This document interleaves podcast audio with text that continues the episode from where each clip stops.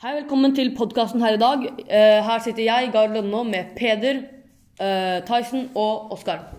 Vi skal snakke litt om hvordan eh, sosiale medier påvirker ditt selvbilde, og hvordan du tenker om kroppen din. Oskar, kan du svare på hva selvmonitorering er? Selvmonitorering er at man vil gjøre hva andre gjør, og hva andre er. Det er vanlig å se på hva andre gjør for å justere hva man selv gjør. Det er et problem at man begynner å se mot influensere som kan skape et dårlig selvbilde og mye kroppspress. Tyson, hvordan er ditt selvbilde når du ser hvordan andre folk på sosiale medier er? Mm, jeg synes at jeg ikke får et dårlig selvbilde, eller at jeg får en dårlig samvittighet, fordi jeg liker hvordan jeg er, og fordi jeg liker å snakke om hvor man er, og ikke hvor man ser ut som. Jeg skjønner at mest av det som er på kamera, er fake. Gard, hvordan påvirker din bruk av sosiale medier ditt selvbilde? Altså, jeg vil, si, vil ikke si at jeg får dårlig selvbilde. Men når jeg ser på hvordan andre har det på sosiale medier, så virker det jo veldig perfekt. Eh, jeg vil ikke si at jeg får dårlig selvbilde, fordi jeg skjønner at mye av det som skjer på kamera, ikke er virkeligheten av hva som skjer bak kamera. Men jeg, jeg forstår jo at folk kan få ganske mye dårligere selvbilde når man ser på hvordan kjente folk har det.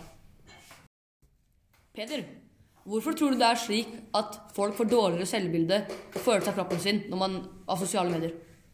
Jeg tror det er slik fordi mange ser opp til eh, de her influenserne, og de promoterer et sånn dårlig kroppsbilde som ikke er normalt, og ja, de ser opp til det, og det kan være dårlig for deres egen selvbilde.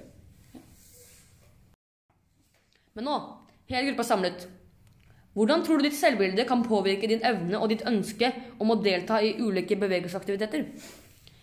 Jeg for min del tror at mange som ser opp til eh, folk med perfekte kropper, og som et, kan få et dårligere selvbilde av det, og derfor gjør det vanskeligere for dem å akseptere sin egen kropp. Og da vil man ikke vise fram sin egen kropp som man syns er, selv syns er dårlig.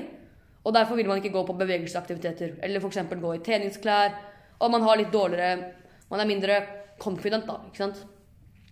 Eh, Tarsen, hva, hva, er din mening om dette?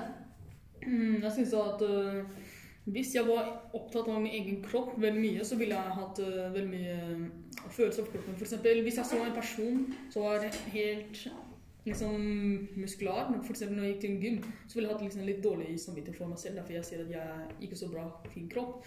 Men hvis jeg hadde bra kropp, så ville jeg ikke hatt så heller um, dårlig samvittighet. Men jeg er ikke opptatt av min egen kropp så mye, så jeg får ikke dårlig samvittighet eller dårlige følelser av det. Mm. Hva var det? Eh, Det finnes alltid to eh, sider til en sak, som det Gar sa, det Tyson sa. Ja, altså, det er, altså noen kan ha problemer med å dra til eh, aktiviteter fordi man har dårlig selvbilde. Og andre kan, være helt, man kan ha bra selvbilde og, eh, ja, og ha lyst til å Altså det er veldig forskjellig, da. Fra person til person. Men Oskar, hva tror du kan være positivt eh, med bruk av sosiale medier når du tenker på kroppsidentitet? Det kan jo hende at det er folk på sosiale medier som prøver å forhindre kroppspress, men ellers så ser jeg ikke så mye positivt ut av det. Takk for oss. Det var alt vi hadde. God helg videre.